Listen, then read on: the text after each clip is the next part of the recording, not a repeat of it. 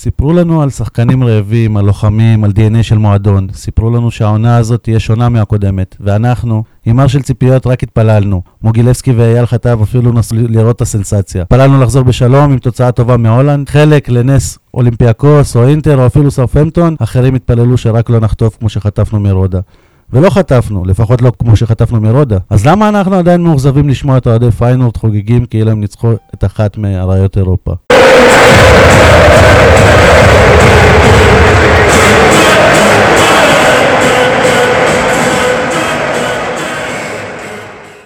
אלה הצלילים של אוהדי פיינורד כמובן, ששלח לנו שי מוגילבסקי, שברגעים אלה מסתובב ברחבי הולנד עם חיוך וחולצה של היריבה. פתיח ומתחילים.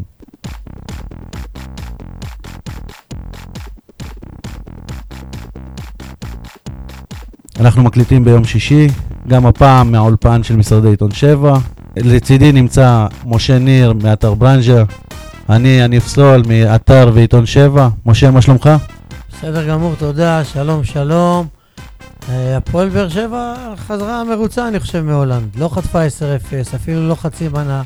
3-0, יחסית ליכולת, לרמה שלנו, תוצאה מכובדת. אז אייל חטב ושי מוגילבסקי נמצאים איתנו בנפשם כאמור, פיזית הם בהולנד. אני, שלומי יותר טוב השבוע ממיכאל אוחנה לצערי.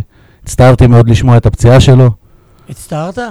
הצטערתי מאוד. יש אוהדים של הפועל באר שבע שהם מאושרים, שולחים לו הודעות באינסטגרם, מגיע לך, וכל מי שמלכלך על הפועל באר שבע זה מה שקורה לו, ומשווים אותו לבוזגלו. אני חושב שזה בושה מאוד. א', זאת פרנסה של בן אדם, זה מה שהוא עושה בחיים. ב', הבן אדם הזה העניק גם לנו רגעי אושר. וג', מי שאוהב כדורגל צריך לרצות ששחקן כזה יהיה על המגרש. הטענה שלהם היא שמי שמלכלך על הפועל באר שבע, זה יהיה סופו אמר. אוקיי.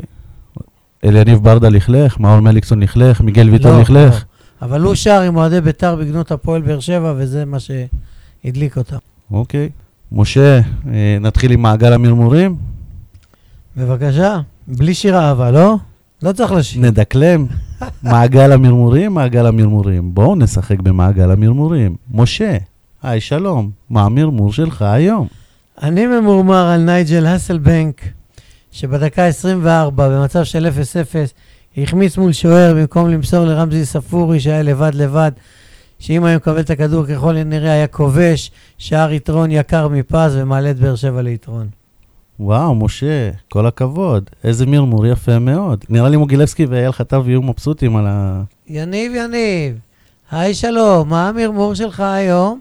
המרמור שלי הוא על התלות במיגל ויטור. הוא כשיר, זה מספיק טוב בשביל להכניס אותו להרכב, גם אם לא יתאמן עד יום שני. מה, פתאום עמית ביטון לא מספיק טוב? פתאום כל מי שהגדיר את uh, ברק בכר כגבר ששם את עמית ביטון, לא חושב ככה? וואי, יניב, איזה מרמור יפה מאוד. טוב, אז גם שי שלח מרמור, מוגילבסקי, היי שלום, מה המרמור שלך היום? המרמור שלי הוא שלפני שבוע הפועל באר שבע כבר הפכה למועמדת לאליפות, הקבוצה הכי טובה בארץ, איזה קיץ מרשים היא עשתה. ועכשיו, פתאום, אחרי הפסד אחד בגביע הטוטו, והפסד כואב אחד באירופה, זהו, שוב, שוב צריכים חיזוק, וזה לא שחקן, והוא לא שחקן, ובאר שבע לא יכולה להתמודד על האליפות. די, מספיק לשפוט בצורה כזאת שטחית. וואו, שי, כל הכבוד, איזה מרמור יפה מאוד. רגע, ואייל חטב לא ממורמר? לא, אייל ממורמר בשקט, הוא לא, הוא לא שולח כלום השבוע. נעבור לתובנות, שי שלח לנו גם את התובנות שלו. אהלן אה, חברים לפודקאסט, אה, ואני שמח שאתם, אה, שאתם והטכנולוגיה מאפשרים לי ליטול איזשהו חלק בפרק הזה. אני כרגע בשעת לילה מאוחרת מאוד ברוטרדם, במלון, ממש לפני שינה. מקליט לכם את החלק הזה, את התובנות שלי מהמשחק. בכל מקרה אני רוצה רק לציין שהייתה מבחינה, לי, מבחינה עיתונאי שבא לסקר את הקבוצה, זאת הייתה חוויה מאוד אה, נעימה, אנשי פיינורד היו מאוד אה, ידידותיים ואדיבים כלפיי, מאוד היה נוח להיכנס לאצטדיון, לצאת מאצטדיון, לעבוד. הפתיע אותי רק שהיציע היה קצת אה, מרוחק מעיקר הדשא. היה נראה לי ממש אה, רחוק, אבל uh, באמת שמבחינת תנאי עבודה אי אפשר לבקש יותר מזה. הייתה אווירה נהדרת באצטדיון, אמנם ראו ביציעים העליונים הרבה קרחות, אבל בכל זאת הייתה אווירה נהדרת. זהו, נקפוץ ישר למסקנות שלי. אז מסקנה ראשונה, שון גולדברג, באמת, מבחינה הגנתית הוא נהדר, שמר על ברהויס, הכוכב הגדול שלהם שמר עליו בצורה נפלאה. ציפינו שרוב הצרות והבעיות שלנו יגיעו מהאגף שלו, האגף הימני של פיינורד, האגף השמאלי של הגנת באר שבע, ודווקא אני חושב שבעיקר במחצית הראשונה רוב הצרות הגיעו דווקא מהאגף השמאלי של אה, פיינורד, מהאגף הימני של בן ביטון, גם קלטינס אה, היה שם. קלטינס אגב במאמר מוסגר לדעתי בעיניי משחק אה, רע מאוד.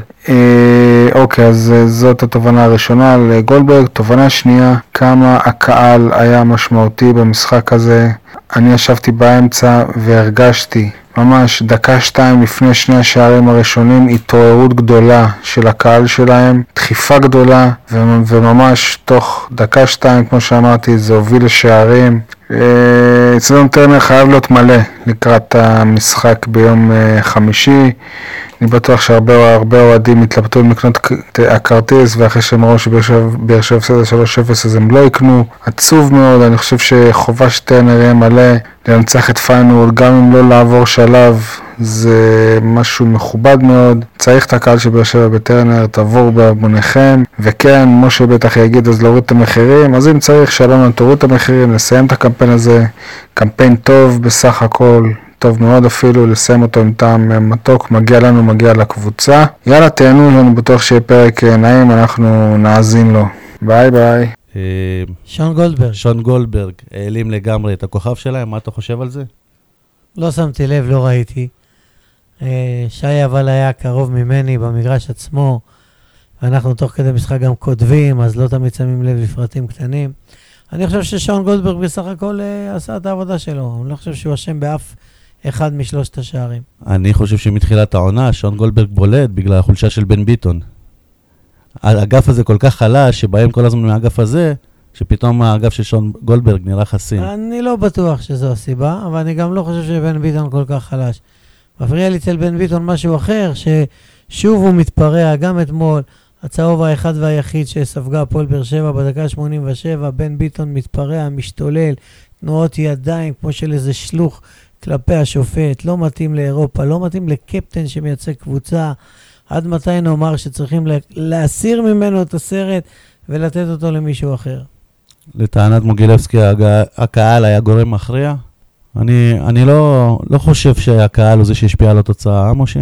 לקהל ביתי יש השפעה, למגרש ביתי יש השפעה. אה, אתה רואה את זה גם בטרנר, אה, משחק אחרי משחק כמעט. יש השפעה. אם המשחק היה נערך במקום אחר, אני לא בטוח שזה היה... פיינורד הייתה צריכה את הקהל שלה בשביל לנצח את הפועל באר שבע הגדולה? פיינורד לדעתי הייתה אתמול בינונית, אני הופתעתי מהחולשה שלה, ואני מופתע גם מהתוצאה הקטנה, רק 3-0. אה, וכן, היא הייתה צריכה את הקהל שלה. היא לא ניצחה אה, בליגה ההולנדית בשלושה משחקי פתיחה, שלוש תוצאות תיקו, ואני יודע שהיו חששות מפני הפועל באר שבע, וניסו להבקיע גול מוקדם אה, ממש בלהט ולא הצליחו, וכשהקהל דוחה ונותן ביטחון, אז זה מקל. טוב, אז התובנות שלי זה, הראשונה היא שיאפ סתם נתן לך שלישייה. לא היה משחק גדול שלהם, בדיוק כמו שאתה אומר, קצת מחץ אפשר היה לצאת עם יותר משער חוץ אחד אפילו. נכון. והתובנה השנייה, אני רוצה לתאר לך את הסיטואציה, אני לא, לא יודע אם אתה מכיר את זה, אבל כאילו במחצית הראשונה חשבתי שיש לי בעיות קליטה או כמו תקיעות כאלה בשידור, באינטרנט, כמו בפלייסטיישן כזה, שאתה מרגיש ש, שה, שזה תקוע משתחרר, תקוע משתחרר. ואז הבנתי ש- שהתקיעות הן רק בצד שלנו, שהיריבה עושה הכל מהר. כל, הפועל באר שבע פשוט משחקת בסלואו מושן יחסית להולנדים. עכשיו, הם לא היו טובים. בקצב של ליגה ישראלית. כן, הם לא היו טובים, אבל הרמה שלהם יותר גבוהה. אה, תובנות שלי, אחת, ולא פעם ראשונה שאני אומר את זה, אי אפשר לשחק לנצח עם שלושה גרזנים בקישור. והתובנה השנייה נגזרת מהתובנה הראשונה, צריך להזניק להרכב את חנן ממן בשפיץ הקישור, מתחת לחלוץ. במקום אחד הגרזנים, שברק בכר יבחר בעצמו, לא אנחנו. גרזנים? כן, מרואן קאבה, עדן שמיר, דוד קלטינס, שלושה קשרים שהם קשרים הגנתיים במהות שלהם, אולי 50-50 אה, קלטינס ושמיר, במקרה הטוב. אה, לחימה, נחישות, התלהבות, גליצ'ים, עבודה, אה, לבלום את היריב, אבל אחר כך מה עושים עם הכדור? הם לא משחררים קדימה, כדורי עומק, כדורים לא מגיעים. אה, חייבים שחקן יצירתי, זה, זה משווע, זה זועק לשמיים הדבר הזה, בטח כשאתה בפיגור. אני מסכים איתך בקטע הזה, אבל מצד שני, אני חושב שצריך גם גרזן, כי שלושתם ביחד זה לא הגרזן שהוגו היה.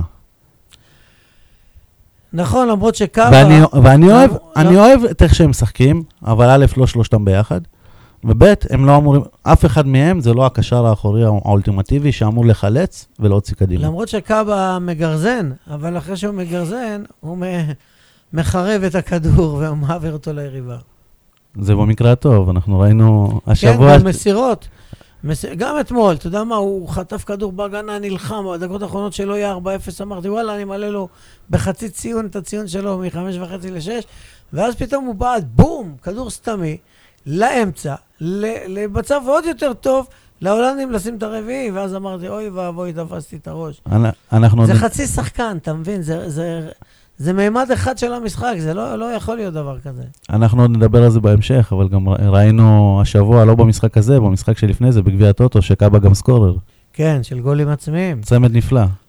כן, הוא כבר בישל גול אליפות למכבי תל אביב, עכשיו הוא הבקיע שערים עצמיים לזכותה של אה, בית"ר ירושלים, שהפילה על חשבון באר שבע לגמר גביע טוטו 3-1 בטדי, אחרי שהובלת 1-0, אבל אני זוקף את ההפסד הזה לחובתו של ניב זריאן, שקיבל אה, צהוב שני מטופש והורחק והשאיר את הקבוצה שלו בעשרה שחקנים. טוב.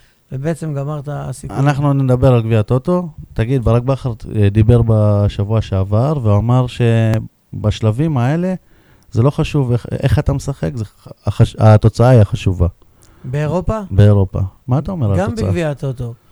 מפעל גביע, אני חושב שהוא צודק. גביע, מה שחשוב אה, זה התוצאה.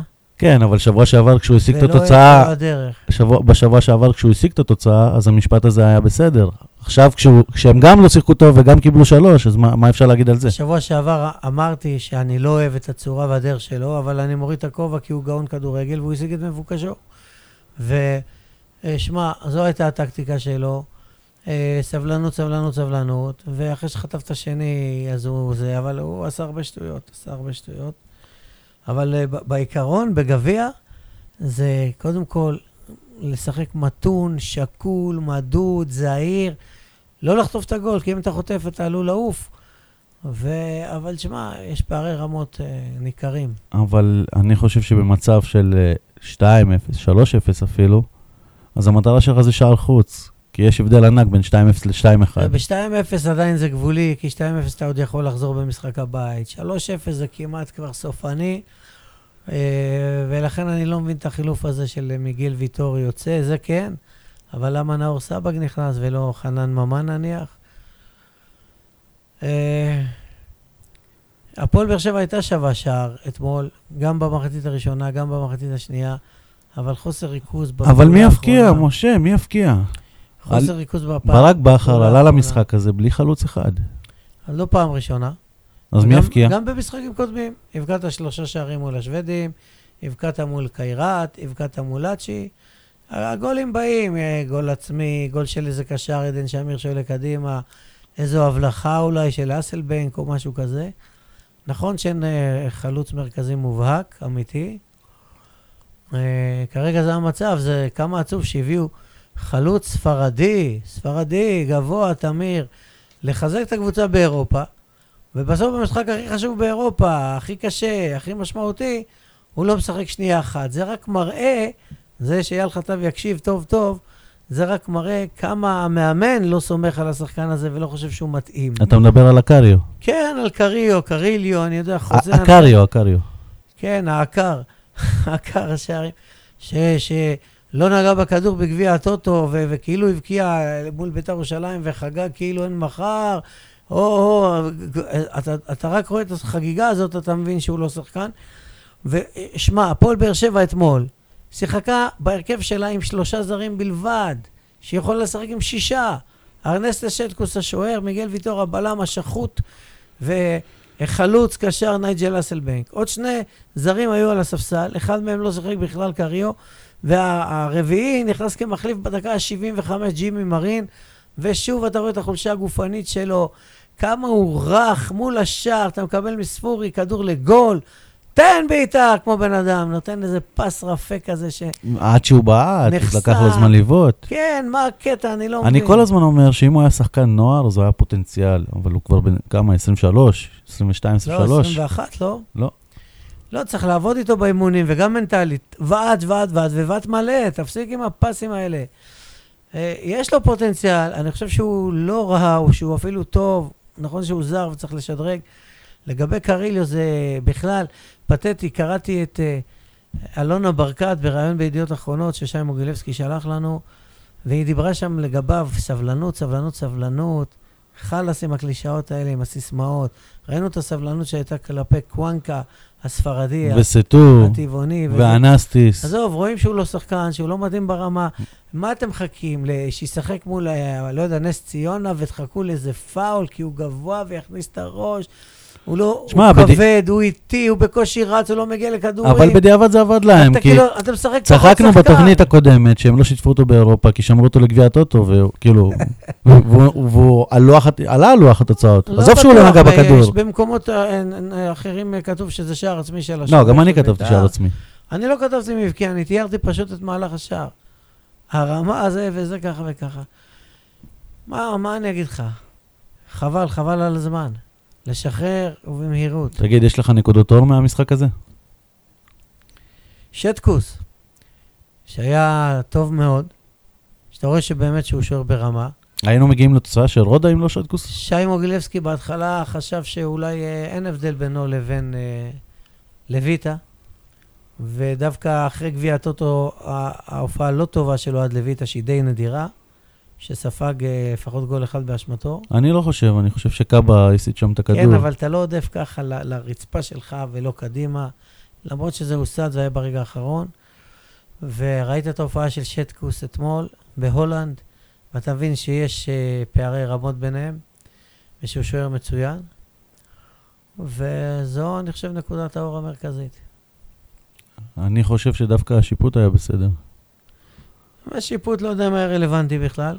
עוד נקודת אור שאני חייב לציין אותה, אה, ניב זריאן, שאומנם הוא לא הופה. עושה את זה ברצף לאורך זמן, אבל היו לו שתי הבלחות נהדרות. ב- על רקע האפרוריות הכל כך בולטת של הפועל באר שבע, ברגע ששחקן קצת יצירתי, קצת כישרוני, לוקח כדור, מג'עג'ע, מצליח לחלוף על פני שניים, שלושה, להטעות אותם ולתת בעיטה חדה, חזקה, מ-25 מטרים, כמעט, כמעט גול, ממש סנטימטרים מהקורה והחוצה.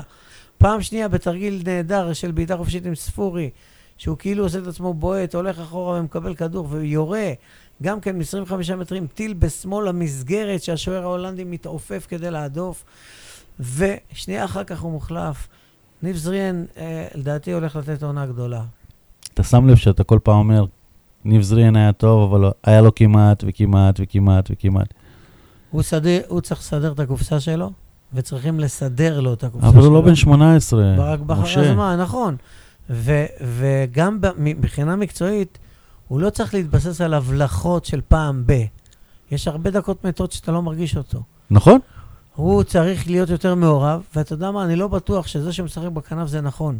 אחרי שאתמול ראיתי אותו פעמיים, דרך מרכז הקישור, בועט, יכול להיות שזה שם המקום שלו. כשאני אומר חנן ממן בשפיץ הקישור, אתה יודע מה, זה יכול להיות אולי גם ניב זריאן. אם חנן ממן מה, עדיין גם מול לא שופינג הוא הגיע מהאמצע. יפה, אז זו נקודה למחשבה לברק בכר. אולי לתרגל אותו, לעבוד עליו באימונים, דרך האמצע כקשר שלישי יצירתי על חשבון אחד הגרזנים. אגב, אם אני אומר על חשבון אחד הגרזנים, על מי אתה היית מוותר מהגרזנים? על מרואן קאבה? לגמרי. ואז לא היית נשאר עם אף קשר אחורי כאילו מובהק. קשר נסוג. הש... הגנה. השאלה מה המטרות שלך בליגה, אתה לא צריך... אה, מה, שפ- שניים של 50-50, כן? קלטינס ושמיר, ואחד אה, קדמי, התקפי כן. כזריאן? ההגנה הכי טובה היא מי אף קשר התקפה. אחורי כמו ג'ון אוגו? ההגנה הכי טובה היא התקפה. אתה צריך להתאים את עצמך לכלים שיש לך. כשאין לך ג'ון אוגו אחד, אתה לא צריך שלושה כדי שיהיו אחד. אתה, אתה, אתה מאבד פה אתה שחקן. יודע, בקבוצת וואטסאפ שאני חבר בה, הפועל באר שבע בלב ובנשמה, הציע אחד האוהדים אתמול להחזיר את אוגו, שאוגו רוצה לחזור ואין לו קבוצה, ויפה שעה אחת קודם, ועכשיו אפשר לעשות מהלך ולהביא אותו שוב. מה דעתך? זה הכל עניין של שכר. אוגו לא יוותר על כל כך הרבה כסף. עזוב שכר, זה לא ענייננו. אנחנו לא רואי חשבון, ולא חסר אבל לה כסף העונה. המיסוי פה לא חסר לה משמעותי. כסף, לא חסר לה כסף. היא עשתה הרבה כסף מעליות שלבים באירופה, איזה מיליון אה, שקלים. סבבה, ו- אתה יודע ו- מה? ומיליון שמונה מאות אלף יורו על... אה, סבבה, אז אז. לא נדבר איתך על כסף, בוא נדבר כן. איתך על זה מקצועית אני מדבר. שמקצועית בעונה האחרונה שלו הוא לא היה טוב. אנחנו אנשי כדורגל. בסדר, בעונה האחרונה שלו מי הוא לא היה היה טוב טוב. בעונה האחרונה? אני לא חושב שהוא יהיה כזה רע. הוא יהיה זה- בינוני, אני לא חושב שהוא... זה לא היה האוגו שאנחנו רגילים. בסדר, הוא יהיה פחות. האופציה היחידה שלך להחזיר אותו ולצפות ממנו לקבל משהו זה להביא לו איזה חבר כמו וואקמה שהוא יהיה מאושר פה בחיים המו- אה, וואלה, למה הרגילים. לבד? אבל הוא כבר בן בית כאן. בסדר. הוא כבר יודע וזה, אבל- מכיר. אבל ראית אותו בלי, ראית אותו שהוא התרגל למשהו אחד ופתאום לקחו לו, זה כמו איזה ילד קטן. אז מה אתה אומר להביא. את וואקמה גם בעסקת חבר? וואקמה הייתי מביא תמיד. אי אפשר. את זה באמת, אתה מבין? זה לא ריאלי. הוא מככב בטורקיה, מרוויח, אה, זה, אף אחד לא ישחרר אותו. הוא בעצמו כבר לא ירצה לחזור אחורה. משה, אבל בוא... אבל אוגו, אוגו, רגע, עזוב רגע, אוגו. אתה- דיברת מקודם על, אה, על זריאן. כן. אתה לא, אתה לא חושב שהגיע הזמן כבר ש, שזריאן יבוא ויגיד, זאת השנה שלי, או שאני לוקח את עצמי ונותן, אתה צודק, זו או אני בחוץ. זו כמה זמן הוא זו יכול להיות שנת פה? מפתח שלו. זריאן חייב לזהור העונה הזו. אני, אני גם חושב שברק בכר הולך ונותן לו יותר דקות. שוב, על רקע האפרוריות של הקבוצה הזאת, שאין הרבה שחקנים יצירתיים, אחרי שמיכאל אוחנה עזב וחנן ממן פצוע ולא כשיר במאת האחוזים, זריאן באמת יכול לעשות שדרוג. אולי באמת גם להיכנס יותר לאמצע. גם ספורי כנף, אבל גם אתמול הוא נכנס יותר לאמצע, זה כאילו חלק מסגנון המשחק. אה, אני חושב שזו חייבת להיות העונה של זריאן, אם לא, אז באמת זה יהיה פוטנציאל מבוזבז שלא מומש, וכבר נרים ידיים, כי האופי שלו, ראית, האופי שלו לא טוב, המבנה האישיות שלו בעייתי, ראית את זה מול בית"ר ירושלים בגביע הטוטו. הבן אדם לא יפתח את ליגת העל במחזור הראשון, שכל ילד חולם על זה. כל שחקן מת- מתפלל לפתוח בהרכב פותח במשחק ליגה ראשון, מחזור פותח. בית אדי בירושלים מול ביתר, 20-30 אלף צופים, וזריאן לא יהיה שם. אבל, כמה סבלנות אתה צריך. אתה יודע מה, אני, אני, לא צריך שום סבלנות. אני אתן לך. העונה הזאת צריך לתת לו, ולתת לו, ולתת לו, אבל הוא. קיבל כל הזמן וקיבל וקיבל לא. גם אתמול, גם אתמול. למה אתה מחליף אותו? למה? תן לו לגמור את המשחק. מה, הוא היה עייף? הוא היה... מה? הוא היה גרוע? מה?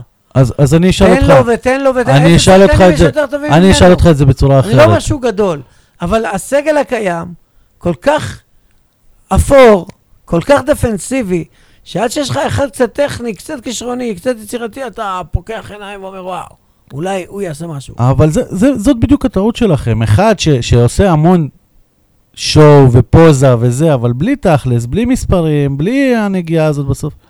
כמה הוא שיחק כדי לייצר מספרים. הוא שיחק. היה פצוע, הוא וגם שיחק, כששיחק נכנס דקה שיחק, 70, הוא נכנס דקה שיחק. 60, נכנס דקה 80. אתה יודע מה, השבוע, לא. השבוע נכנסו, חזרו לחיינו, אה, של- לחיי הכדורגל המקומיים, שני שחקני, חנן ממן, לא, שני, אני מדבר על שחקני עבר. גיליס אספורטס וראובן עובד, שכיכ- שכיכבו בסרטונים בוואטסאפ. מה יש לראובן עובד? כיכבו במה מה קורה איתם היום. איפה הם היו אמורים להיות מבחינת הכישרון שלהם? איפה ראובן עובד? ראובן עובד, יש סרטון שלו שבו הוא מהמר, ויש סרטון אחר שבו, שלו שבו הוא מבקש כסף אתה מאנשים. יודע שהוא היה בביתר באר שבע. אני יודע. יש לו ילד פה מבאר שבעית. גילס הספורטס, סיפור עצוב, אני... אבל, אבל הפואנ... תן לי רגע את הפואנטה, ואז אם אתה רוצה, תתייחס כן, לסספורטס. כן. כל הפואנטה שלי שזריאן, אנחנו, גם אני, שאני בכלל לא חושב שהוא ברמה של הפועל באר שבע מבחינת הראש, יש לו את זה ברגליים. יש לו כישרון, יש לו הכל, אבל אין לו שם את מה שצריך בשביל להיות ברמות הגבוהות. גם ראובן עובד וגם גיליס אספורטס, אמרו לי שגיליס, מישהו אמר לי השבוע, גיליס אספורטס היה יותר טוב מבניון במה לא שזה. יותר טוב כמוהו. או אוקיי, כמעט כמוהו. כמוהו, לא משנה, אבל, אבל בראש לא היה לו את זה.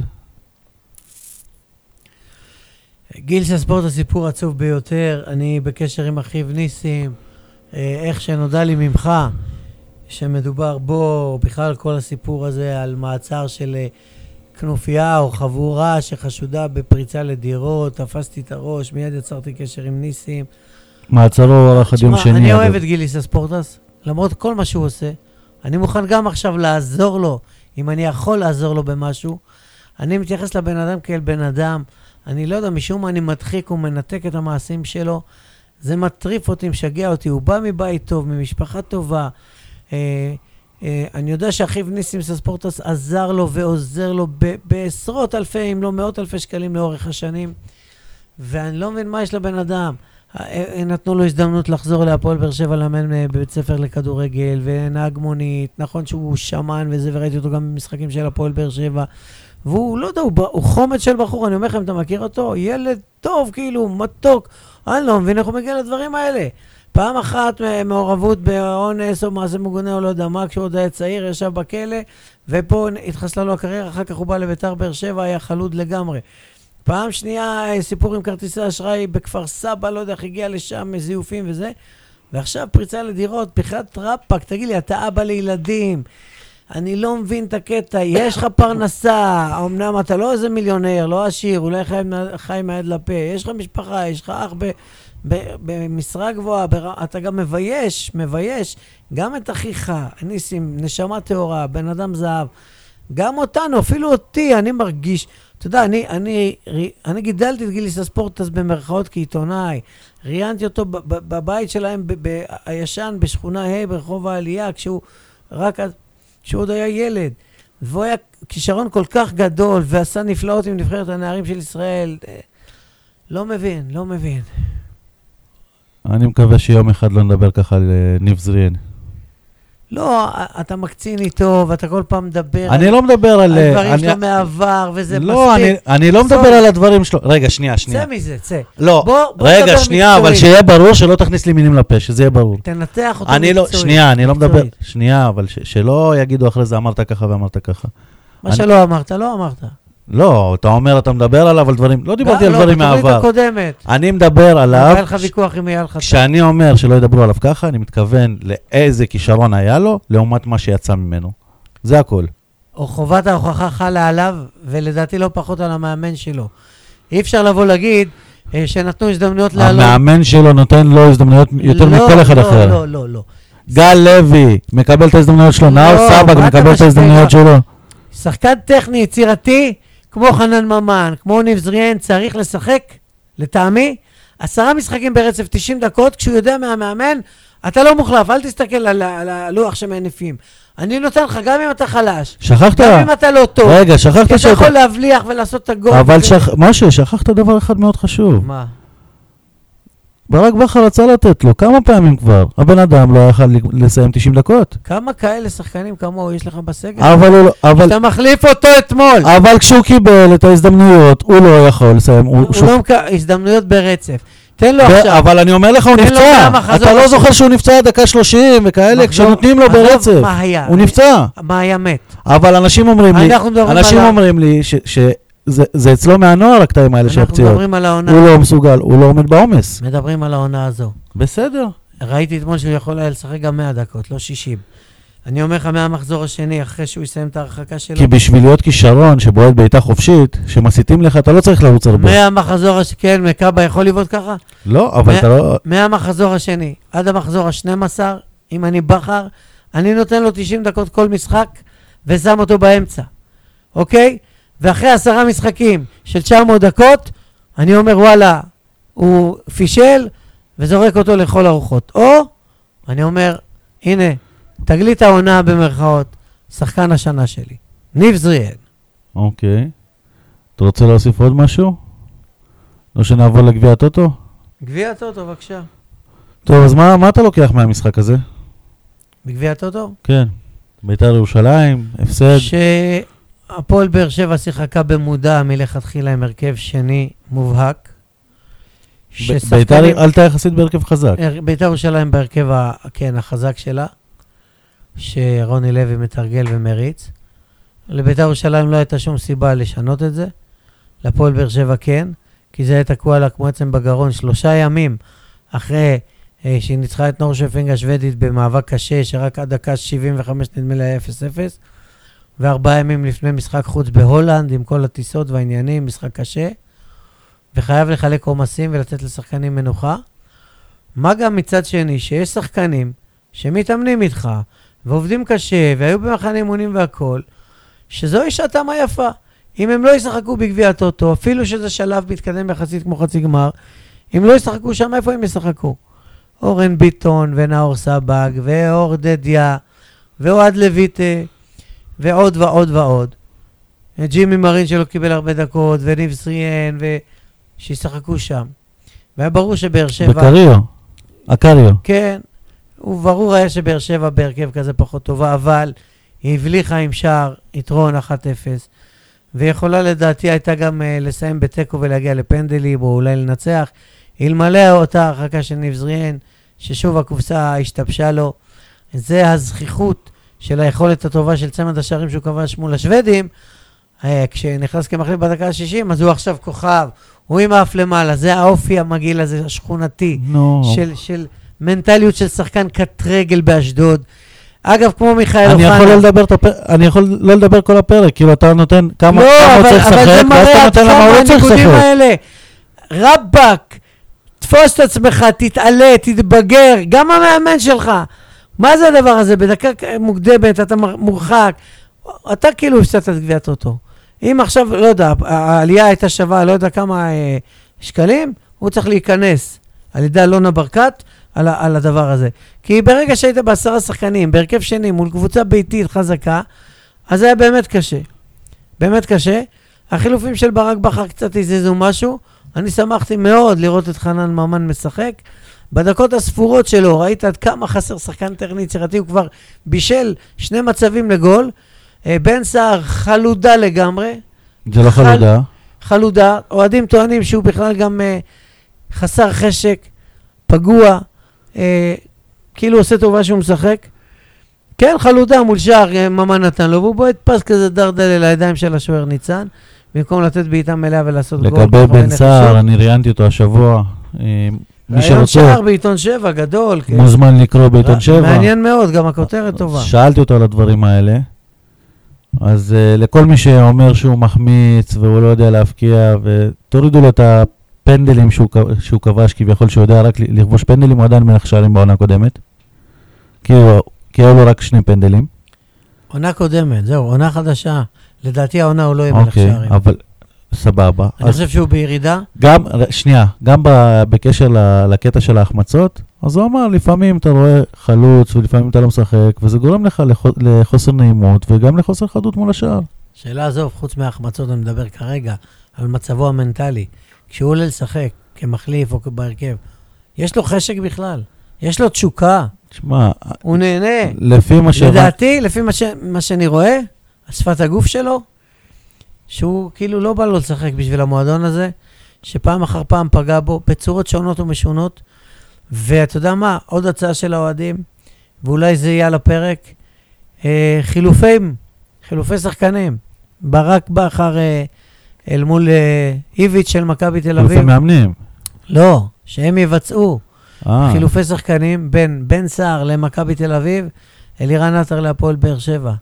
מה דעתך? שני שחקנים קבועים, פגועים, שיוכלו לצאת לדרך חדשה, להתעורר לחיים. אז אה, כששניהם לא היו קבועים, בן סער הבקיע יותר. בן סער חלוץ שפיץ באמצע, ואלירן עטר בכנף. ואלירן עטר אוקיי. משחק פחות. מוחלף, מחליף. אני, אני לא יודע. אני יודע שבכל עונה שהוא היה פה, הוא התחיל ככה. בגלל זה אני גם חושב שיש... אתה, אתה לא בעד הטרייד הזה. לא בעד... אני, אני סומך על בן סער, כי אני... גם בקטע של המתוסכל והמיואש... אז עזבו את זה שהוא אומר שהוא לא מתוסכל, כן? בניגוד למה שאימא שלו אמרה ש- בריאיון. הוא אומר שלא? הוא אומר שלא, וטוב לו פה, וכרגע הוא פה. מצד שני, הוא גם חיפש קבוצה בקיץ ב- באירופה.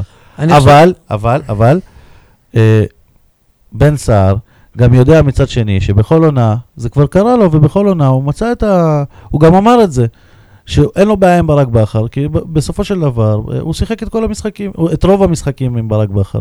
אז הוא יודע שכל עוד יש חלוצים כמו קריו, ושאלתי אותו אפילו מה הוא חושב על קריו, היה נבוך ולא ענה לי בדיוק, זאת השאלה היחידה שאני חושב שהוא לא ענה את? האמת, מה הוא אמר? שהוא אה, חלוץ בקבוצה, ו... חרדט. ואם בצוות המקצועי הביאו אותו, הם יודעים למה. אני חושב שבן סער העונה יהיה פחות טוב, אולי אפילו יהיה המאכזב של העונה. אני חושב שהוא בירידה חדה, הוא חלודה, הוא, הוא פחות טוב. מוכן הוא, להתערב שהוא ישים יותר מזריאן. הוא התבגר. לא, אני לא חושב. אני חושב שניב זריאן יהיה מלך השערים של הפועל באר שבע. משה, עוד התערבות? ויהיה המצטיין. אני מזכיר לך שיש לנו כבר התערבות יאללה, בוא- אחת. כן, על רמזי על ספורי, שאמרת שהוא לא ש- יבקיע יותר מחמישה שערים. לא, אני אני אמרתי... ש- הגדלת אני. אמרתי שמונה, כולל. כלומר, אם הוא מפקיע רק שבעה שערים, אתה מנצח בהתערבות. כן, התערבנו. יש לנו התערבות נוספת, שניב זריאן יבקיע יותר מבן סער. ואני טוען בן אתה סער. אומר בן סער יותר כן. מניב זריאן. ואם במחזור השלישי הוא עוזב את הקבוצה, זה בעיה שלך. אין או- בעיה. או אם ניב זריאן נפצע ולא חוזר, בעיה בעיה שלי. שלך. כן, אוקיי. סבבה. אה, נמשיך. הבעיה שאנחנו מתערבים בלי לשלם אחד לשני. לא, לא, אנחנו נשלם, הנה, שהם ימשיכו לטוס ואנחנו נצא לארוחות. רק בתפעול. אה, תגיד, מבחינת הפועל באר שבע, זה טוב שבית"ר ירושלים ניצחה בגביע הטוטו. מה הסיכוי שקבוצה מנצחת פעמיים את אותה קבוצה, עכשיו, קח את הסיכוי הזה שזאת בית"ר, שהיא בכלל לא מצליחה לנצח את הפועל באר שבע, הסיכויים בכלל פוחתים לי. אף פעם לא טוב להפסיד. הקלישאות האלה, כבר ראינו דווקא מול בית"ר ירושלים, שניצחנו אותם פעמיים ברצף, גביע טוטו וליגה, בזה אחר זה, כבר היה לנו את זה לפני שנתיים-שלוש. אה, אני לא חושב שזה טוב, אה, או לא טוב. אה, אני חושב שבליגה הזאת תהיה אופרה אחרת. אני גם חושב שבאר שבע תנצח בטדי ביום ראשון. הפועל באר שבע תהיה בהרכב אחר, במוכנות אחרת. היא באיזשהו אופן, במרכאות, ויתרה על גביע הטוטו. זהו, בתור מומחה הגביעים שלנו, משה, בשבוע אחד הפועל באר שבע איבדה שני תארים. נשאר לה רק את הגביע ואת הליגה. לא? תיאורטית באירופה אתה עדיין קיים. יש לך עוד- האופטימיות שלך מדהימה יש לך אותי. עוד יום חמישי אחד בטרנר. מה, אתה יודע שבסוף אתה תהיה מרחק פנדל של מהרן רדי מלעלות באמת אתה זוכר לשלב את הבא. בסלטיק 5-2? כן. יפה. נו, זה בדיוק מה שאמרתי. אתה זוכר שהפועל באר שבע הגיע הביתה מול סלטיק, והייתה צריכה לנצח 3-0, אתה זוכר שהיו לך שחקנים 2-0, כמו רדי ואובן ולא זרין. וגם אחרי החמצת הפנדל במחצית הראשונה, ב-2-0 לחצת, לחצת והיית קרוב ל-3-0. עכשיו, אם אבל אתה- היה לך את- אם אתה עושה 3-0, אתה נכנס להערכה. אבל היה לך את טוני ואובן שאני ורדי ואוגו. לא. ועכשיו יש לך את זרין וקאבה. לא שאני חושב שיהיה 3-0, לא שאני חושב שבאר שבע תנצח בכלל, אבל תיאורטית אתה עדיין באירופה. חכה עוד שבוע, ואז תגיד, איבדת שני תארים. מישהו שאל אותי היום אם, אם כדאי לקנות אה, כרטיס למשחק. עכשיו אני אמרתי לו, תשמע, יכול להתפתח פתאום אה, איזה שני גולים מהירים, בטעות, פת- הערכה, יכול להיות. ו- ואם לא, רגע, ואם לא, אה, אם באר שבע תעשה איזשהו מהפך ואתה לא תהיה שם בסוף, אתה תצטער על זה כל החיים. זה מצחיק כמה שזה עצוב. הרבה מאוד אוהדים אדוקים של הפועל באר שבע לא אהבו את, ה, את השיטה של אלונה ברקת שחוזרת על עצמה בצורה סיסטמטית. לקנות כרטיסים עכשיו ומהר עד ליום זה בשעה זאת, כאילו מאיימת שאם לא תקנה, בעלי המנויים לא יהיה- תהיה להם הזכות. אפשר לחשוב כמה קופצים. מו- ומלא בעלי מנויים, פה, אוהדים שרופים, לא רכשו כרטיסים עד שש בערב יום חמישי, כי הם ידעו שהם הולכים לטרחה בהולנד, ואחרי 3-0, אתה יודע מה, אני יכול להשמיע לך הודעות קוליות עכשיו של אוהדים? אתה מת מצחוק. אומרים שעכשיו אלונה צריכה לעשות מבצע של אב ובנו בעשרה שקלים כרטיס, שאלה שלא קנו כרטיסים מאושרים, כי הם לא מתכוונים לקנות כרטיס עכשיו בכלל, ולדעתי הולכת להיות הפדיחה של החיים ביום חמישי, יצטדיון חצי ריק מול קבוצה איכותית מאירופה, השלישית בטבעה ששיחקת בה מאז ומעולם, כמו שאייל חטב ציין, אחרי ברצלונה ב-1995 ואינטר ב-2016, פיינורד היא הקבוצה האיכותית ביותר, יותר גם מסלטיק, יותר גם מסאוטהמפטון. ו- ומול קבוצה כזו, שיהיו בה 1,600 צופים מהולנד, שכבר רכשו כרטיסים, או 1,650 ביציא הצפוני, אולי יהיו 5,000, 6,000. מהולנד. 1,600 מהולנד, אל מול אולי 5,000, 6,000 מבאר שבע, אבל 8,000 צופים באצטדיון. אבל, אבל משה, אם אלונה לא הייתה עושה את המהלך הזה ש- שהאוהדים לא אוהבים, אז, אז, לא, אז לא היו גם 5,000, כי לא היו קונים. זה מהלך שיווקי, כן? נכון, אבל אם- ובצדק. אבל אם אלונה הייתה מחכה, ומתחילה את מכירת הכרטיסים היום, אז לא היו קונים. שנייה, אבל לא במחירים כאלה. תגיד לי, למה... גם לא היו קונים. רגע, למה ילד, גם לא היו... למה ילד אז- רגע, במקרה הטוב ישלם 80 שקלים ביציע הדרומי, הבן שלי. אבל גם מול נורשפינג, לא לא אני מימשתי את המנויים אני שלי. מבין אותך. רגע, רגע, יש ילדים שיושבים עם אבא שלהם ביציע המזרחי. פעם היה להם מנוי ילד, ביטלו מנוי ילד. מבין מה אתה אומר, ואתה יודע כמה ילד הולך אבל- לשלם ביציע המזרחי. מבין אותך, אבל זה- דיברנו על המחירים, אבל הקטע זה זה לא. המחירים. הקטע זה לא המחירים, כי... גם, גם. אז אני אומר לך שאם... זה מופרך. אז אני אומר לך שאם באר שבע הייתה מנצחת 1-0, הייתה עושה 1-1 שם, בוא, היו רבים. נכון? היו רבים. שים 200 שקל כרטיס, גם יקנו. היו, גם אם היה 24 אלף נכון, בגלל- מקומות, ב- היו אז מתמלאים. אז בגלל זה אתה לא צודק, והשיטה של אלונה היא ממקסמת. אני צודק ו- כאוהד. לא. היא צודקת כבעלים. היא רוצה למקסם את הרווחים שלה. אז אני אגיד לך למה אתה לא צודק שלא כאוהד. תגיד אחר כך שהיא תורמת. לקהילה. היא לא פילנטרופית. יש אמרה, היא אשת עסקים שעושה כסף, זה הכל. יש אמרה שאומרת שככל שאתה מטומטם יותר, אתה משלם יותר. הרי כל משחק עד עכשיו באירופה, אז יש לי חדשות בשבילך.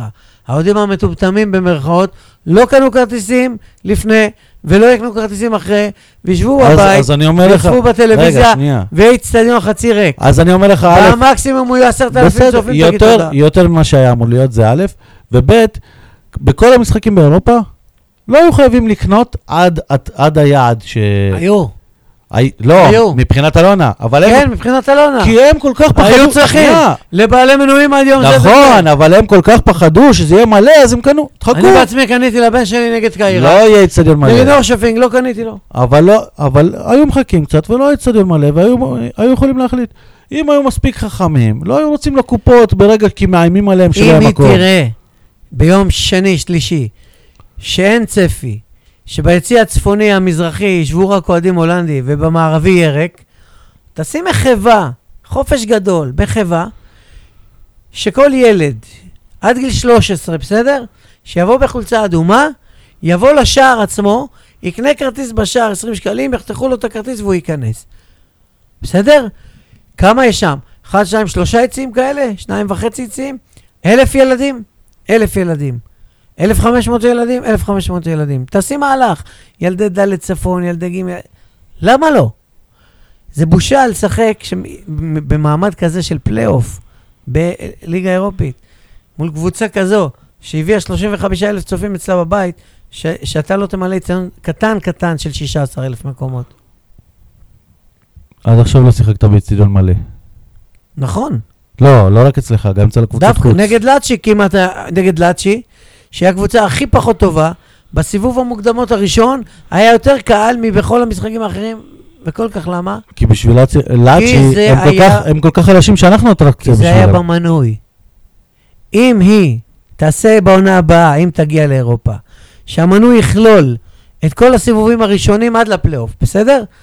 ראשון, מוקדמות ראשון, מוקדמות שני, מוקדמות שלישי. ואז על מה תרוויח? על שלב הבתים שאולי לא יהיה? היא לא מרוויחה שהיא מוכרת מנויים? תעלה את טיפת מחיר המנוי אולי. דרך אגב, עונה שעברה היא העלתה את מחיר המנוי, כשהיא הביאה שחקנים ואמרה ליגת אלופות וזה, והעונה, כשאין ליגת אלופות ולא לקחת אליפות והקבוצה ירדה, וההשקעות והרכישות היו פחותות, היא לא הרי, הורידה, היא לא הפחיתה, היא השאירה את אותו מחיר, והנה עכשיו ממשחק למשחק היא מקפיצה. פק, פק, פק. א', שכחת שיכול להיות שיגיעו עוד שחקנים. רק ו- אל תגידו לי, היא תורמת לקהילה, היא לא פילנטרופית, יש את עסקים שבאה לעשות כסף, נקודה. זו היא הדעה לא שלי. עושה כסף מהפועל באר שבע. מה אתה אומר? בעקיפין באבו אולי. אבוה עושה כסף. בעקיפין, לא מהפועל באר שבע. באבו. אבוה עושה כסף. מורחים אתכם, עובדים עליכם בעיניים. אוקיי, תגיד, אתה- אתה מתרגש לקראת פתיחת העונה? לא, למה לא? כשהייתי ילד התרגשתי נורא, כי כמעט לא היה אירופה חוץ מהאינטרטוטו שהייתי בן 8, 9, 10, שגם שאז התרגשנו. היו פרפרים בבטן, אספנו תמונות של זה, היינו קוראים את כל המוספים, בודקים הכל, יודעים הכל, מחכים. הייתי יודע בעל פה את לוח המשחקים. תאמין לי, אני לא יודע מול מי מחזור שני אנחנו משחקים אחרי בית"ר ירושלים. חדרה. בבית? כן. לא יודעים באיזה יום עדיין? לא יודעים עדיין. אה, לא מתרגש, כי אתה כאילו כבר, אתה כבר אחרי שבעה משחקים באירופה, ועוד שני משחקים בגביע הטוטו, תשעה משחקים, אתה מגיע למשחק ראשון בליגה שהוא המשחק העשירי, ו, וגם בסמיכות הזמנים הזאת, אתה יודע שיש אוהדים מושבעים שטסו להולנד כדי לעודד את הקבוצה לתמוך בה, שלא יספיקו להגיע מהולנד למשחק הליגה. אה, אתה יודע שבהולנד, אמרו את זה אתמול בטלוויזיה, שבהולנד נותנים מנוחה לקבוצות ההולנדיות בליגה כשהן משחקות באירופה, גם לאייקס, גם לפיינורד. אז, אז כאן נותנים לך ביום ראשון, תקשיב, הקבוצה אתמול. הפועל באר שבע נתנה לפיינורד מנוחה ועדיין ניצחה. הפועל באר שבע סיימה אתמול משחק בלילה. מתי תגיע ארצה? שי? שישי בערב? כן. כן? קידוש, לא. עניינים, שבת, מנוחה. מתי מתאמנים למשחק שהוא ביום ראשון? יש אימון מה? בכלל? מוצ"ש, אימון מסכם. כן, אז מוצ"ש אימון טקטי 45 דקות. זה אימון, זה- אתה מבין? ו- ואתה בא ביום ראשון עם, עם כל המטענים הרגשיים והעומס הגופני. לא יודע, מה, תגיד לי, מה היה קורה אם המשחק של בני יהודה ושל באר שבע היה ביום שני ולא ביום ראשון? ואת הפועל תל אביב שמשחקים ביום שני הם מקדימים ליום ראשון, והיא גם הייתה חונכת את בלומפילד כי זה הבית שלה ולא בני יהודה. אני לא מבין, מה השיקולים האלה? למה לא ביום שני? לא? אבל א' עושים הגרלות. מה זה הגרלות? יש לכם שתי, שתי יש קבוצות לא, יש באירופה. לך משחק מרכזי, יש לך משחק זה. אז שהוא ביום שני. אבל המרכז- המשחק המרכזי ביום ראשון. אה, ת- ת- למה? שנה שעברה היו בימי שני גם משחקים, משחקים מרכזיים. מה זה הקטע הזה? תנו להם יום מנוחה, יום לאימון, יום להתאוששות.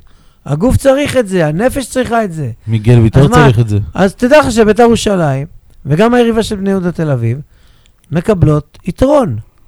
מקבלות יתרון. למרות שברק בכר משחק אותה. ג'ון בריון, אני רוצה שהמשחק נגד בית"ר ירושלים יהיה עכשיו אפילו. על מה עכשיו? על היכולת המופלאה שלך בהולנד. תגיד, היית עושה שינויים לקראת המשחק הזה?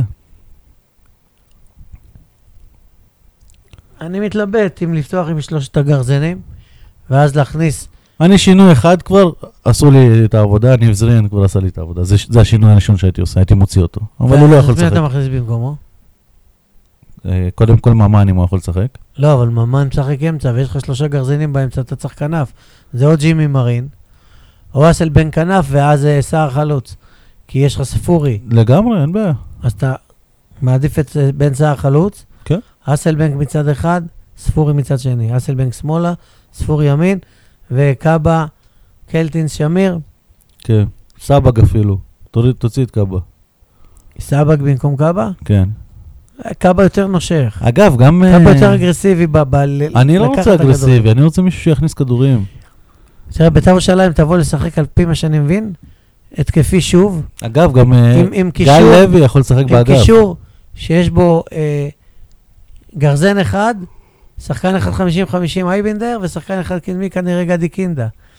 ו- והכוח של באר שבע בשלושה, לכן אולי גם אפשר, לא, אל תשכח שהיא אולי באה... אפשר לוותר על, על, אני פה יש לי התלבטות אל לוותר. תשכח שהיא משחקת עם בלם אחד בסגל, לב- כן. שח- שחתם לפני יומיים. קריאף הולך לשחק בלם, וה- והבלם השני הוא בעצם מגן ימני הצרפתי.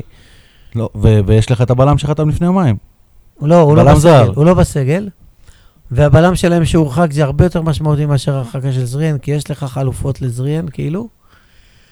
ואפשר לנצל את הקטע של מרכז הגנה שלהם שלא מתואם ולא, ולא ממש בלמים. שני בלמים שהם לא בלמים, אחד קשר, אחד מגן.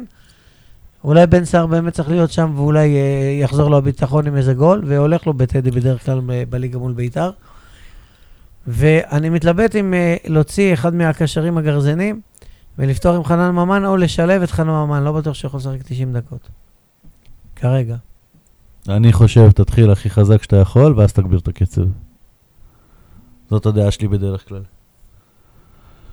אה, משה, ברשותך, נכון שאנחנו רק פותחים עונה, אבל אני רוצה להיות סוג של נביא, ובואו בוא נעשה איזשהו סיכום עונה רגע לפני כן, אלטרנטיבי. אתה שאלת אותי אם אני מתרגש, אמרתי לך לא. אני גם צריך לשאול אותך, אתה מתרגש לפתיחת הליגה? אני תמיד מתרגש, אני מתגעגע, אני אוהב את הכדורגל שלנו. זה הכדורגל. שאני הכי, הכי רואה. גביע הטוטו, זה מעניין אולי לווינר, לכל מיני אנשים ש, שרוצים יחסים גבוהים על תוצאות הזויות. אבל אה, אני מתרגש. אני מתרגש גם מליגת החלומות שאנחנו משחקים כל שנה.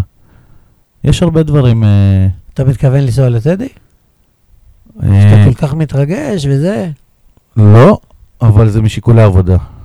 התקצרו לי הימים והכוח אדם, אבל... אה, לבלומפילד נהיה חייבים לנסוע, בלומפילד בלום- מחודש. כן, בלומפילד. אה, מתי פעם ראשונה שנשחק שם? מול מי? הפועל, מכבי, בני יהודה? לא, לא זוכר. לא, רואה, לא, לא מתרגש עד כשהייתי כדי בגילך כך. וכשהייתי כתב פעיל מה, אתה זוכר כמוך, בעל פה את כל ה... הכל יודע. הכל. היום אני מנותק, אני לא אבל עובד משה, בזה לכמה כמעט. משחקי חוץ נסעת שנה שעברה? כשאתה אני- אומר אני לבלו- חושב לבלומפילד. אפס. אז- אז רק לבלומפילד אתה תיסע. כן, כן. שמע, כשלא היה עידן הטלוויזיה, הייתי בכל המשחקים, 30 מחזורים בעונה, כל המשחקים. גם אם לא היה לי כסף, נוסע בטרמפים, מתחבא בשירותים באיצטדיון, יוצא למשחק בלי לשלם, דברים הזויים. אבל uh, ברגע שהמשחק, אמרו לי הולנד, הולנד, הולנד, שמע, תיסע, תבזבז כסף, תיסע, בלאגן, טק, טק, תחזור, לא, לא תספיק, לא כלום, זה, תעזוב, אתה גם נשוי עם ילדים, זה לא מה שהיית פעם רווק וזה. ובשביל מה? אתה רואה את הכל, מולך, בבית. טאק, נגמר, כתבת אונליין, בלי בלאגנים, בלי וי-פיי, בלי זה, בלי זה, בלי זה. היום זה עידן אחר. כן, אני גם חושב לנסוע לטדי כל הדרך עם יוסי איתך שלא מה מדבר זה מילה. נותן לך אם אתה נוסע? זה נותן לך ערך מוסף כעיתונאי? א', כן, לי לא, כמי שכותב משחק בלבד. כי אתה רק כותב משחק. כן, אני לא רואה את חדר הלבשה לתגובות וכאלה, אני לא שואל שאלות. אנחנו יורדים ואנחנו רואים דברים שלא היינו רואים אם לא היינו שם, ואנחנו שואלים off the record גם לפעמים שאלות, ויכולים לראות דברים שבבית לא מראים או לא מבינים, וחוץ מזה, שאם אתה עיתונאי שרק כותב במחשב, ואין לך את המגע, ואף אחד לא מכיר אותך, ואתה לא מגיע למשחקים. כן, הכי טוב, ככה אני רוצה. שקט, שלווה, אף אחד לא מכיר אותי, אני לא מכיר אף אחד. יכול לכתוב מה שאני רוצה. מי שעוקב אחרי אתר ברנז'ה ניוז, רואה שאני כותב לא politically correct, לא תקינות פוליטית. אני כותב את מה שיש לי בצורה בוטה לפעמים, מצחיקה, שונה מאחרים, ואני מציע לכולם, כנסו לברנז'ה news וסליחה על, ה- על הפרומו. אוקיי, עכשיו אחרי הפרומו, בוא נעשה פרומו לעונה? כן? סיכום עונה? סיכום עונה שעוד לא התחילה. כן? למה לא? אה, יפה, יפה, יש לך ראש טוב.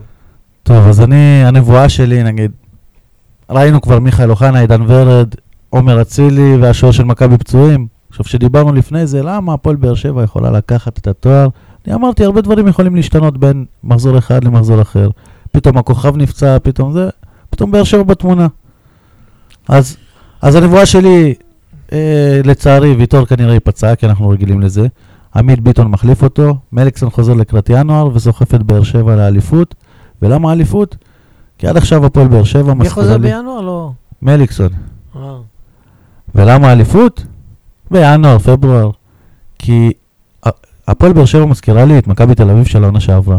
הרבה פועלים שחורים, אף אחד לא סופר אותם, לא רכש נוצץ מדי, בדיוק כמו מכבי תל אביב אף אחד של... לא סופר אותם? לא ספרו את מכבי תל את אביב? מכבי תל אביב בתחילת העונה שעברה, אף אחד לא ספר. מה, אל תגזים. חזרו להם כל המושאלים מהפועל חיפה, מהפועל זה, לא היה להם רכש, לא היה להם כלום. אבל מה? בהתחלה הם ניצחו 1-0. פתאום שער של דסה, דקה 90, מזווית בלתי אפשרית. התחבר להם כל מיני דברים הזויים כאלה, והם היו יעילים. הם לא שיחקו טוב, אבל את התוצאות הם השיגו. 31 נקודות הפרש מהמקום נכון. השני. הם לא היו טובים, אבל את תקדים. התוצאות הם השיגו. ופתאום זה התחבר והתחבר והתחבר. ואני רואה את באר שבע מבחינת כל מה שראיתי עד עכשיו, של איך היא שיחקה ואיך זה, באר שבע יכולה להיות הקבוצה היעילה אתה הזאת. אמרת משהו יפה, שדברים משתנים מיום ליום כדי שבאר שבע תזכה באליפות, ואני מייחל לכך. גם הפועל באר שבע צריכה להשתנות. היא צריכה להביא חלוץ אחר במקום החלוץ הספרדי. היא צריכה להביא בלם זר במקום מיגל ויטור הפציע ו/או עמית ביטון, שאני לא בטוח שהוא אה, יכול אה, להיות בלם אה, לאורך עונה שלמה שיחזיק את ההגנה. ואולי גם קשר עושה משחק טוב, כי אם חנן ממן פציע ולא מקבל דקות, וניב זריאן מורחק כל שני וחמישי, אז צריך גם איזה קשר אמצע איכותי. אם היא תעשה את השינויים האלה, בלם, קשר, חלוץ, תוך כדי, אולי אפילו בינואר, למרות שמליקסון יכול לחזור וזה יכול כאילו לשדרג, אז היא יכולה להיות uh, קנדידטית לאליפות. אם היא לא תעשה את השינויים ותשחק עם שלושה גרזנים, uh, זה, זה לא עובד, זה לא, לא יחזיק מים לאורך uh, עונה שלמה. טוב, אז לצורך הסיכום, ה... סיכום העונה של... שעוד לא הייתה, ביקשתי מכם uh, כמה נבואות. אז נתחיל עם... uh, תתחיל אתה, אמרת באר שבע אלופה, תמשיך. באר שבע אלופה. מי ביקש- בשישייה הראשונה שלך? ביקשתי מכם את השישייה הראשונה, אני אפילו דירגתי, יש כאלה שדירגו. מקום שני, מכבי חיפה, מקום שלישי, מכבי תל אביב, מקום רביעי, בית"ר ירושלים, שאני, לא משנה כמה יגידו שהיא רצה לאליפות, יתסיים אחרי באר שבע העונה. מקום חמישי, קריית שמונה, ומקום שישי, הפועל תל אביב. עכשיו, אני רק רוצה לה, להדגיש. על כל מיקום כזה, אנחנו נותנים נקודה. אם זכית שהפועל באר שבע ראשונה ובית"ר ירושלים רביעית, קיבלת שתי נקודות. זה אנחנו מצרפים לטבלת הניחושים שלנו, ההימורים שלנו אוקיי. לסוף העונה. על כל מקום, מבין לא, על הפועל באר. שבע, אנחנו- אם אם פגעת בהפועל באר שבע במיקום שלך, אתה מקבל 6, כמו שנה שעברה. סבבה. ואחר כך מכבי תל אביב, מקום שאין זה, אתה מקבל נקודה על כל קבוצה אוקיי. מבין השש. בסדר? הנה, זה מוקלט, שלא תגידו, לא אמרנו. סול ו... אז אה, סול, אני אומר, אייל ו... אז לא. שמת לב, חמ- מקום חמישי קריית שמונה לדעתי, שמתי לב. מקום שישי הפועל תל אביב, של ניסו. יפה. אבל אה, שינית, לא? כי לא אמרת את זה בהתחלה. לא, אני לא אמרתי בהתחלה כלום, זה לא אני. אה. אה, המצטיין שלי לעונה הזאת, לא, רגע, רגע, בוא שלב שלב. אלה השש הר- הראשונות שלך? אלה שש תן הראשונות את שלי. השש של שי מוגילבסקי, טוב. השש של אייל חטב. אז השש הראשונות של אייל, מקום ראשון מכבי חיפה, שזוכה באליפות. כבר רואים שאייל חטב מנסה בכוח, לא לא או, הוא עושה. כאילו בכוונה. כן. מקום שני ביתר, מקום שלישי מכבי תל אביב, מקום רביעי נתניה, בני יהודה, קריית שמונה ובאר שבע לא נכנסת לפלייאוף העליון מבחינת אייל חטב. היא במקום מקום השביעי. הוא עושה את זה בכוונה, כדי להרדים, כדי זה, כדי לעורר, לא יודע מה. אמה יעמיק. לא יודע מה הוא עושה. הוא כל הזמן עושה הפוך על הפוך, מהמר שנפסיד משחקים, מהמר שזה. אז אה, אני לא אוהב את הגישה הזאת. הוא חושב ש- שבכך הוא יגרום לשחקנים אה, למוטיבציה, או לא יודע מה, כאילו מישהו שומע אותו. שי מוגילבסקי חושב שביתר תהיה אלופה? שמכבי, סליחה, תהיה אלופה? מכבי תל אביב? כן. אם אני לא- אם אני לא טועה, יכול להיות שהוא לא דירג בכלל, אבל הוא טוען שהשישייה היא מכבי, ביתר, באר שבע, נתניה, מכבי חיפה זה וקריית הדירוג, שמונה. ככה, לפי הסדר שהוא נתן. אז, אז זה הבעיה, כי עוד בסוף פעם, מכבי? באר שבע במקום השני מבחינתו. כן, אחר כך? הוא נתן מכבי ואז ביתר, אז כנראה שהוא לא דירג. בעיה שלו. אוקיי. ומשה, הדירוג שלך, הפועל באר שבע אלופה, מכבי תל אביב סגניתה, מכבי חיפה שלישית, ביתר ירושלים שמנפחים אותה מעל ומעבר לכל פרופורציה מקום רביעי, ולא בגלל השחקן המחליף מבאר שבע שנפצע לה. בני יהודה, אני מאמין ביוסי אבוקסיס, והוא כבר יודע איך לעשות את זה, במקום החמישי. והיות ואני מאמין גדול בניסו אביטן, מחזיק ממנו כמאמן, הוא מקווה מאוד שהוא ישרוד מול הניסנובים הבלתי אפשריים האלה, שהיא תהיה במקום השישי, הפועל תל אביב. אם וכאשר ניסו אביטן יפוטר, וזה עלול לקרות כל רגע, אז uh, מה אני אעשה? אני אכשל בהפועל תל אביב. אני מאמין שהפועל תל אביב תנצח אחרי חמישה הפסדים רצופים בגביע טוטו, במחזור הראשון של הליגה את מכבי נתניה. פגשתי את ניסו השבוע, כשבאתי לנחם את שלום אביטן ודוד אביטן, האבא של ניסו, ואת אליעזר אביטן, האח הגדול, כשהם יושבים שבעה על מות אימם סימי. ואמרתי לניסו, "אה, אתם תנצחו את מכבי נתניה, ואני מאמין שכך יקרה, ומקווה שזה מה שיהיה. אז זו השישייה שלי. לפי מה שאם עושים ככה סיכום קצרצר, איזשהם תובנות מה... ביתר היא לא אלופה אצל אף אחד. רק חצי מהאנשים חושבים שניסו אביטן יסיים את העונה בהפועל תל אביב. רק חצי מהאנשים חושבים שבאר שבע תהיה אלופה, והחצי הזה הוא חצי קבוע. גם בעונה שעברה זה היה חצי, אתה ואני. ומבחינת אייל חטב, הגיבור שלו הולך הביתה. קריו? לא, ברק בכר, כי הוא לא מעפיל לפלייאוף העליון בכלל. לא, לא חושב שהוא ילך הביתה, יש לו חוזה חלוט. אני חושב שאם תהיה לו עוד עונה כזאת, לא. והפעם הוא לא יעפיל לפלייאוף העליון, הוא לבד ילך הביתה. לא חושב. כי, טוב, אנחנו מדברים באוויר כי זה לא יכול לקרות בעצם. בליגה פח כזאת? לא חושב. אוקיי, נמשיך עם אה, שאר הדברים שביקשתי. תארים אישיים, תארים תארים אישיים. אישיים. אז מבחינתי, המצטיין שלי זה רמזי השחקן ספורי. המצטיין של העונה. אני חושב שבסופו של דבר רמזי ספורי יהיה המצטיין. המאכזב, מיגל ויטור, כי מבחינתי זה לא משנה נפצעת או לא שיחקת, כשכל כך בונים עליך, זה מאכזב גם אם זה רק בגלל פציעה. הוא עדיין לא נפצע, כן? אנחנו מסכמים את העונה עוד לפני שהייתה. אה, שערים, אני חושב שבן סער, כרגיל, מקום ראשון יהיה. אסלבנק יסיים שני, אחריו, לא ב... אני חושב שזאת תהיה העונה שלו, לא בפער גדול ממנו. ומלך הבישולים, רמזי ספורי. לא ישרוד את ינואר? לא יסעדו את ינואר, יש לי הרבה. אקריו, חנן ממן, אורן ביטון לדעתי לא ישרוד את ינואר, אורן ביטון. וגם תומר יוספי.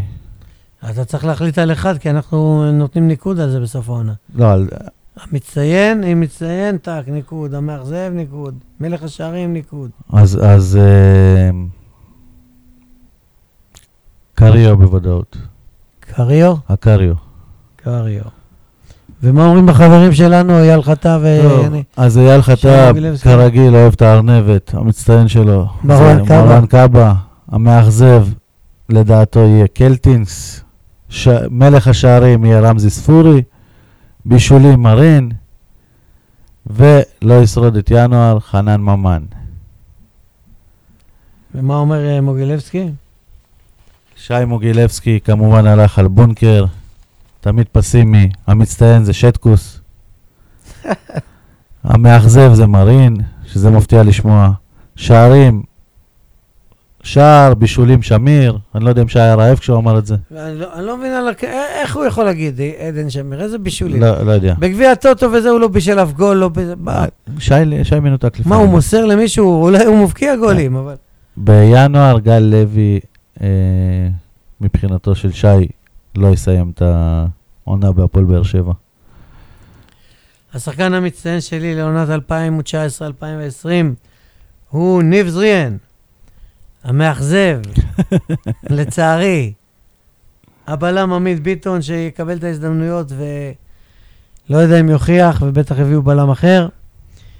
וסליחה שאני אומר את זה, אולי המאכזב הייתי צריך להגיד בן סער כדי לא לפגוע בשחקן באר שבעי שאני כל כך אוהב ומעריך. דרך אגב, אני האמנתי את עמית ביטון. כשהיה ילד, הוא היה חלוץ מרכזי, שתדעו. כמו אבא שלו, שהתחיל חלוץ וגמר מגן. מלך השערים של הפועל באר שבע, הוא עדיין לא גמר במגן, בינתיים הוא בלם. הוא מאמן.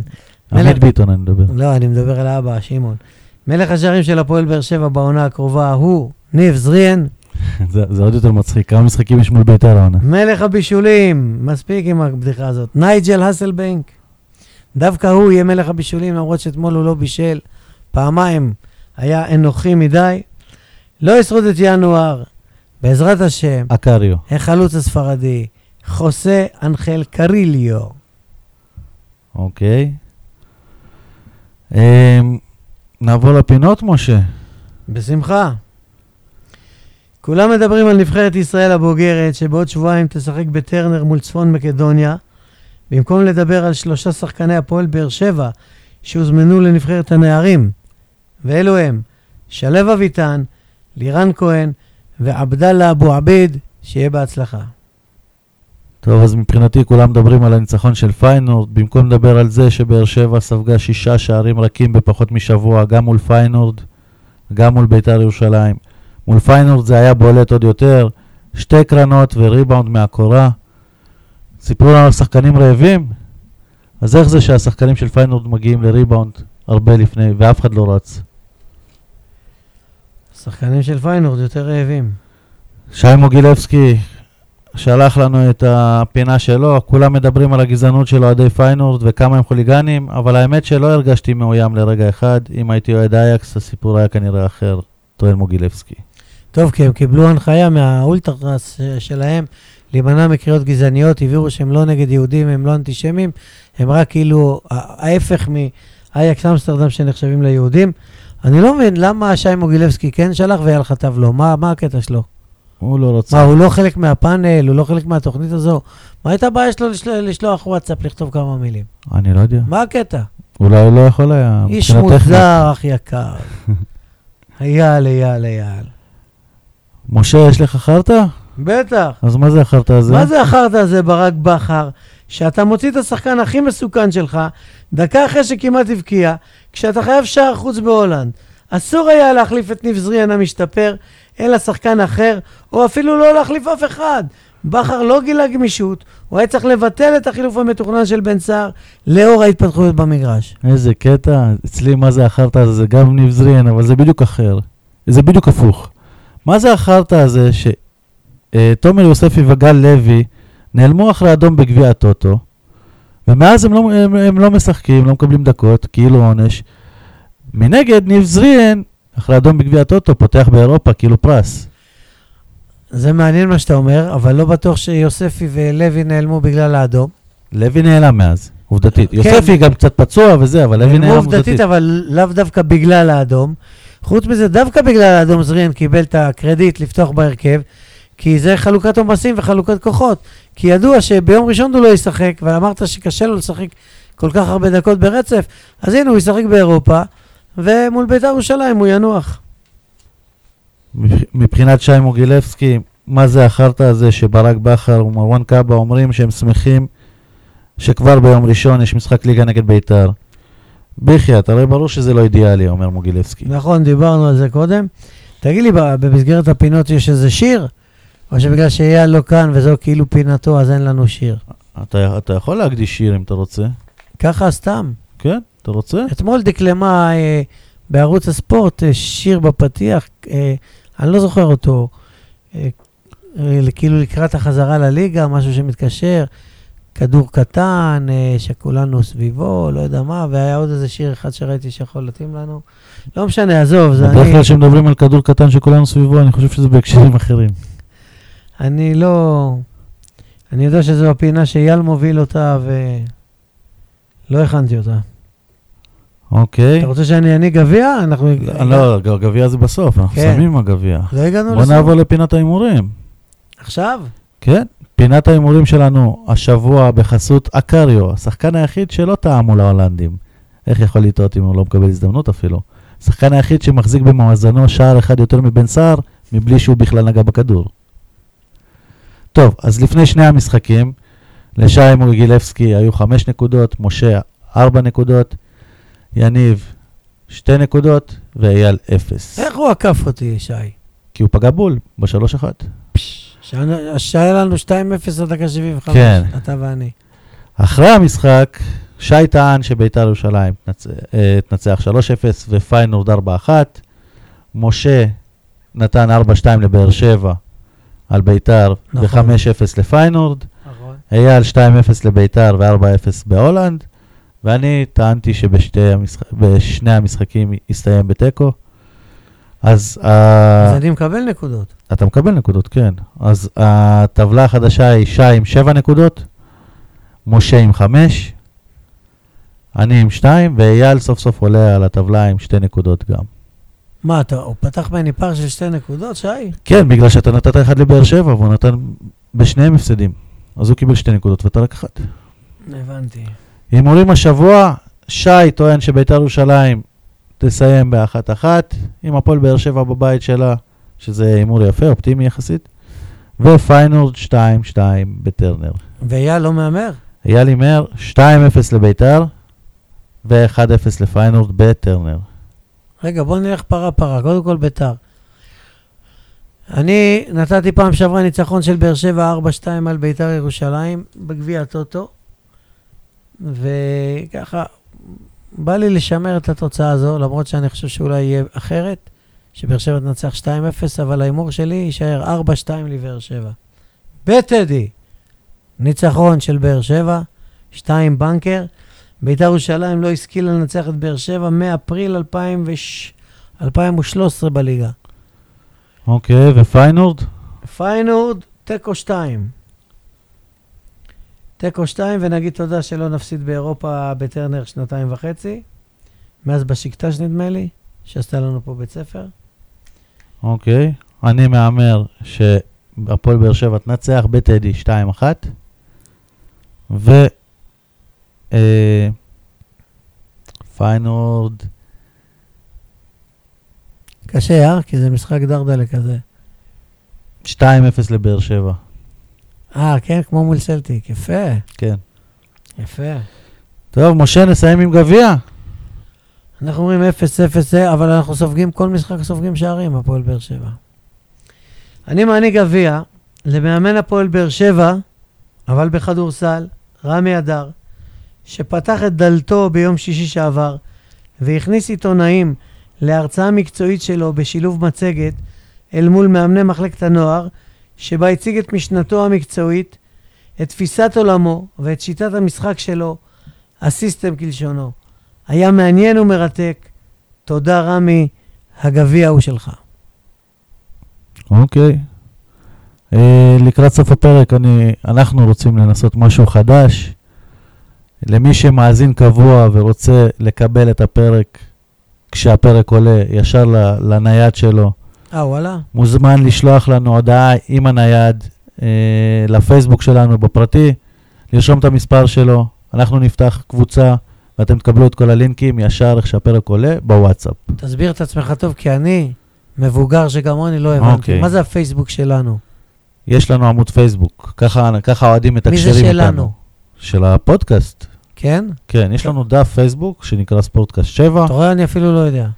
אה, אנשים שולחים לנו שם הודעות, שאלות, מתי עולה הפרק, מתי אז מה אתה אומר, דברים כאלה. שייכנסו לפייסבוק של פודקאסט 7? שישלחו לנו הודעה, מספר טלפון, אני רוצה... ישאירו מספר טלפון, ש- שלום, אני רוצה להיכנס לקבוצת הוואטסאפ, ואז בכל פעם שאנחנו מעלים פרק, הם יקבלו את זה בוואטסאפ שלהם, התראה, עם הלינקים, עם הכל. הוואטסאפ? למה שלא נ... אני אפתח קבוצת וואטסאפ, אה, אתה פותח קבוצת כן. וואטסאפ שלנו? רשימת תפוצה יותר נכון. של פודקאסט 7, של כן. המאזינים הקבועים. אה, יפה.